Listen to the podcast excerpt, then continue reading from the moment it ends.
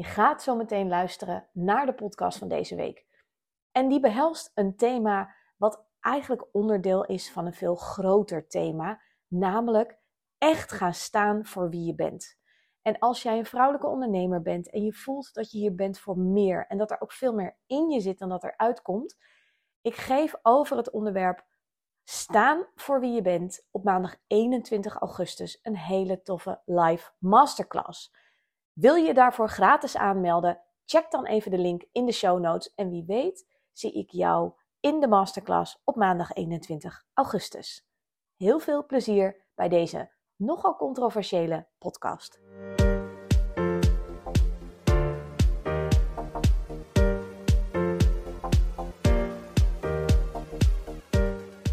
Dit is de podcast van Madelon Rijkers en ik leer jou kiezen voor een leven dat echt bij je past.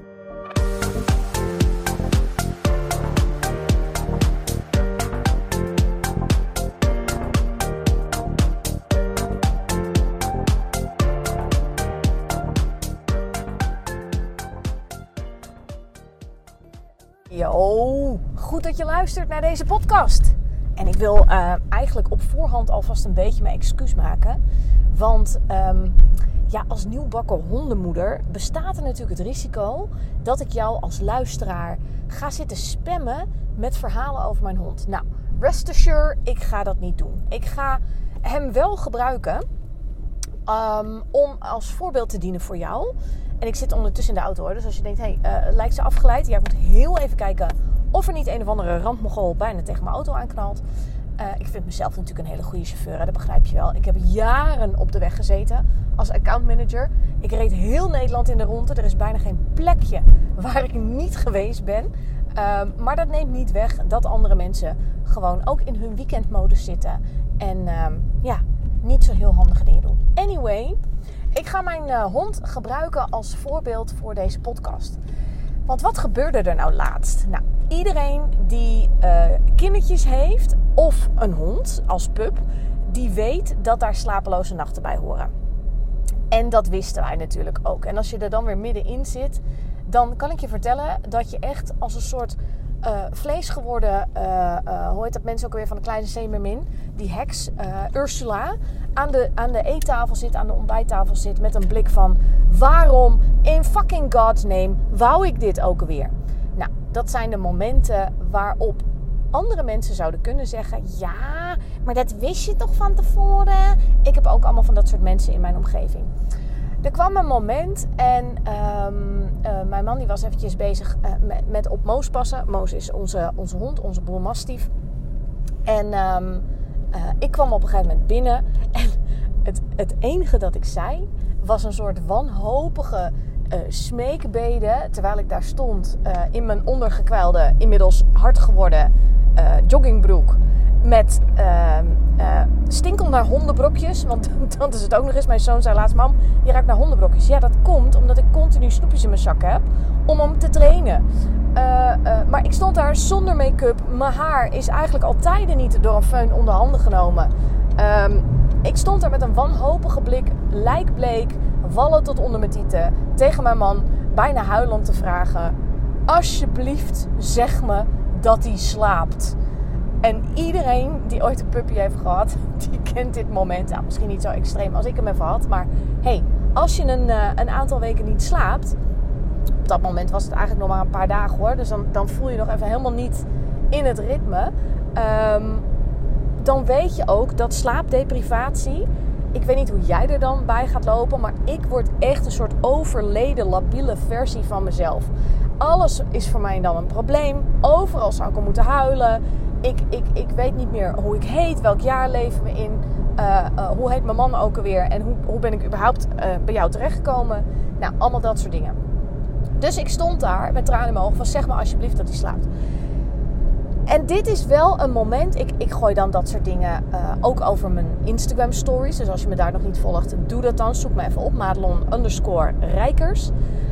ik vind het belangrijk, en dat heb ik altijd gevonden, om je uit te spreken over hoe je je voelt, waar je mee te dealen hebt, et cetera. Dat heb ik toen ik kinderen kreeg, heb ik dat ook gedaan. Mijn eerste zwangerschap was ehm, er niet één volgens het boekje. Even los van het feit dat mijn allereerste zwangerraakpoging eindigde in een miskraam. Nou, vrij snel daarna werd ik zwanger uh, van Anthony.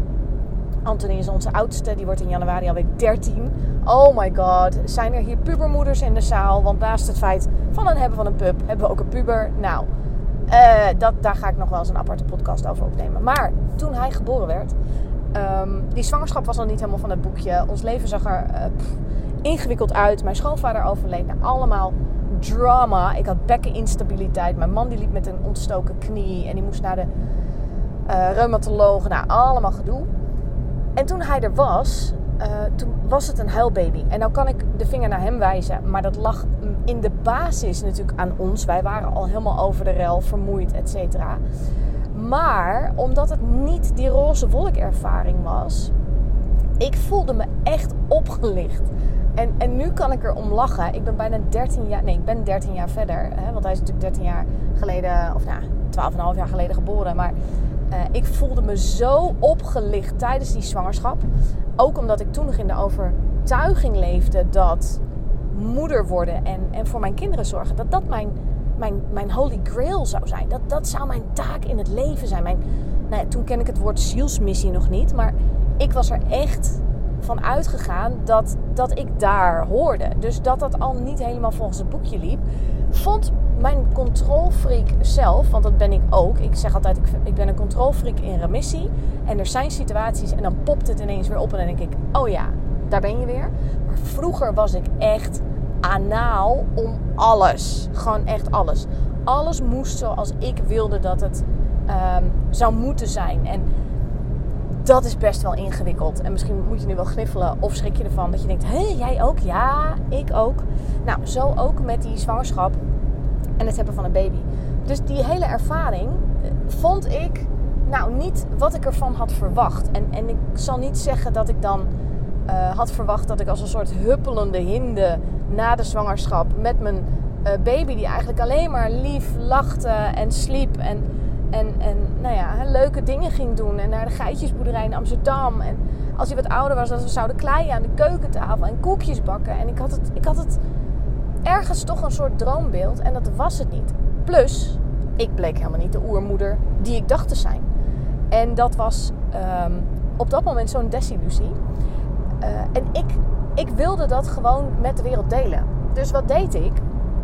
Dus mensen zeiden, hoe gaat het? Ja, ik kan niet liegen. Ja, dat is niet helemaal waar, hè? Want iedereen die zegt ik kan niet liegen of ik lieg nooit, die liegt per definitie. Maar als iemand aan mij vraagt hoe gaat het, ik kan niet zeggen dat het goed gaat als dat niet zo is. Dus ik was tegen iedereen aan het vertellen hoe zwaar ik het vond. En um, ja, hoe, ik, was, ik was echt blij als ik gewoon heel even, als hij thuis was. En ik kon gewoon heel even uh, mijn handen ervan aftrekken. En even voelen, oh ja, ik ben ook nog ik.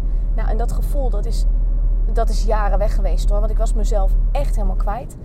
Um, uiteindelijk, want de meeste van jullie weten wel, ik heb, uh, ik heb natuurlijk twee kinderen. Dus uiteindelijk heb ik mezelf weer een beetje hervonden. Ging mijn bekken ook goed. Ik ben gaan sporten om mijn uh, systeem gewoon wat steviger te maken. En heel langzaam aan kwam ik uit een, nou ik denk gewoon ook nog wel postnatale depressie. Ik ben nooit gediagnosticeerd, maar als ik nu teruglees denk ik, ja, dat was het wel pop. Um, dus we zijn aan nummer twee begonnen. Dat ging uh, wezenlijk anders. He, dat was een andere zwangerschap, dat was een andere ervaring, dat was al ander kind, wat logisch is.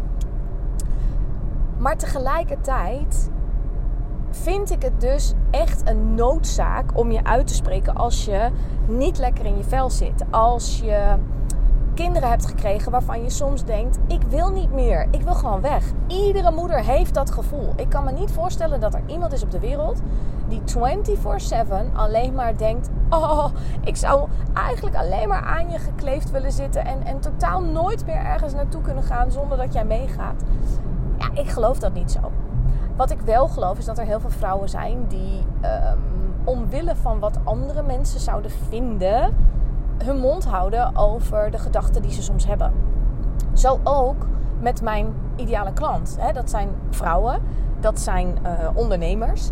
En met name de mensen die, die heel erg op mij lijken, wat natuurlijk in de basis van mijn ideale klant ook zo is, uh, die hebben gedachten uh, die hebben verlangens, maar, maar die hebben ook echt wel emoties die niet in hun dagelijks leven de ruimte kunnen krijgen, omdat ze soms zo heftig zijn dat hun omgeving ze niet gaat pakken. Um, en ik zeg altijd, ze hoeven je niet te begrijpen, maar ze moeten je wel steunen. En tegelijkertijd weet ik dat sommige gedachten zo donker, zo duister zijn, dat je ze nooit ergens kwijt kan. En met mijn één op één klanten, en eigenlijk ook in mijn groepen, maar dan moeten mensen zich ook zo lang voelen met het delen in een groep. Uh, daar mag altijd alles gezegd worden. Dus um, heb je een hekel aan je kerel? Droom je van uh, seks met een vrouw? Denk je van, ik, eh, mijn kind is eigenlijk helemaal niet het kind van, van de vader, maar die heeft een andere vader. Uh, wil je het liefst in je moeder een kussen op, op haar hoofd drukken omdat je er gewoon niet meer trekt? Um, is er iets uit je jeugd wat je nooit aan iemand hebt durven vertellen, maar wat je keer op keer dwars zit? Het, het suïcidale gedachte, het maakt me niet uit wat het is. En ik, ik neem nu een aantal hele extreme voorbeelden, maar um, zelfs het klagen over gewoon hoe het thuis gaat, dat vinden mijn ideale klanten soms wel moeilijk, omdat ze heel vaak ook een leven hebben hè, waarbij de rest van de wereld zegt: Ja, wat klaag jij nou? Weet je, je hebt alles toch? En het gaat toch goed? Ja, dat is ook zo. En dus ook met deze puppenervaring, als ik het als zwaar ervaar en ik heb het moeilijk en ik wil gewoon heel even klagen, ik kan heel goed klagen en dan vervolgens de knop omzetten en weer doorgaan. En dat is zo belangrijk dat je het jezelf toestaat om dat te doen. Maar dat er ook een plek voor je is waar dat kan. En ik gebruik mijn Instagram ervoor. Mij boeit het niet of mensen dan vinden van... joh, Rijkers had dan geen hond genomen. Want het is echt een momentopname. Dus ik deel ook de liefdevolle, leuke dingen... waar ik ook heel blij van word. Maar het uitspreken waar je mee zit... doet zo vreselijk veel voor de energie en de ruimte uh, in jezelf.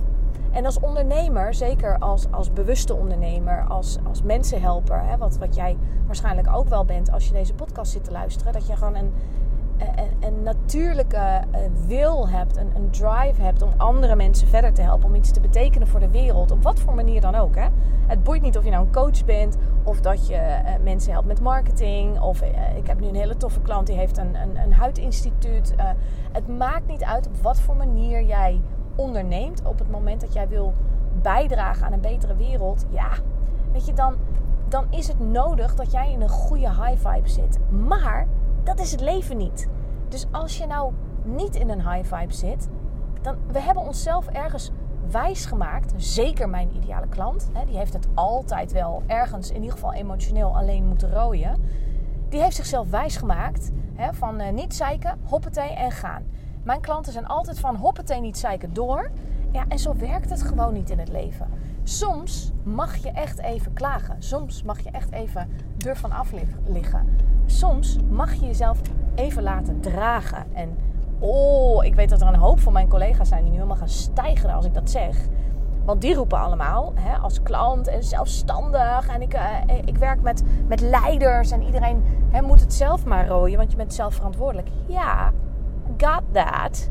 Dat weten we wel. Maar mijn ideale klant, die doet dit al. En die doet dat op zo'n manier dat ze zichzelf zit tegen te werken. En ik wil heel graag je met deze podcast inspireren om, um, als je niet tevreden bent, uh, als je moe bent, als je het zat bent gewoon ook thuis, om dat uit te spreken. En dat wil niet zeggen dat je dan in een slachtofferrol hoeft te zakken. Want dat is echt een van de grootste schaduwen van mijn ideale klant. Dat ze als slachtoffer wordt waargenomen. Daar heeft ze een grafhekel aan, werkelijk. Vrouwen die alleen maar oeverloos zitten te klagen en er niks aan doen. Oeh, daar gaat mijn ideale klant van rellen. En, en ik snap dat helemaal. En tegelijkertijd zou ze in zichzelf eerst eens eerlijk mogen kijken: hé, hey, maar als ik mezelf eens een beetje meer slachtoffer zou mogen voelen, hè, toestemming krijgen om gewoon te zeggen: Ik vind dit niet leuk, ik ben moe, ik wil iets anders, ik hou niet meer van je, ik whatever. Ja, dan zou haar leven niet meteen, maar wel binnenkort zo vreselijk veel lichter worden. En dan zou haar werk, haar, haar mooie bedrijf, zou zoveel moeitelozer kunnen.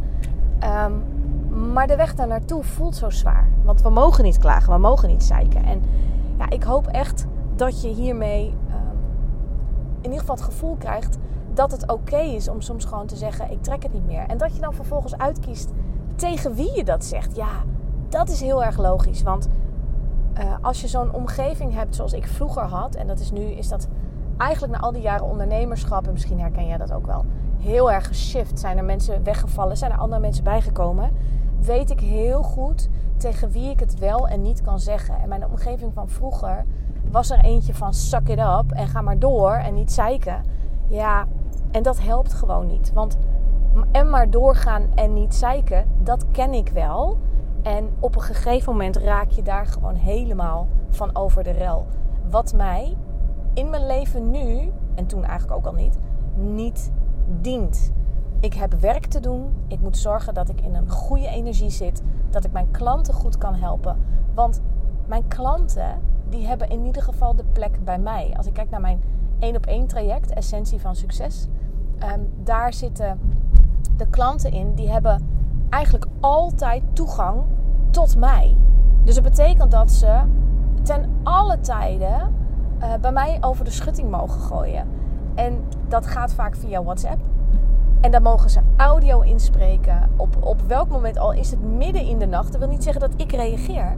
Maar zij hebben een plek waar ze het kwijt kunnen.